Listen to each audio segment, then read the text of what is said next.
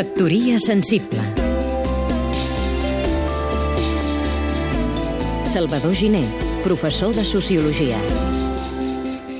finals del segle XIX fou públicament executat o ajusticiat el darrer condemnat a mort d'Espanya.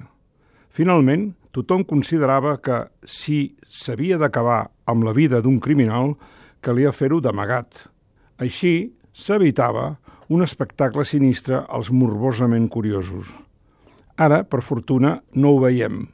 I fins i tot volem molts l'abolició de la pena de mort. Vet aquí, però, que les televisions ens ensenyen cada dia com els fanàtics d'Al-Qaeda assassinen periodistes innocents, que només fan la seva feina. Cada cop que els mitjans s'hi presten a ensenyar-ho i li fan la feina bruta al terrorisme. O no ho saben pas a les televisions.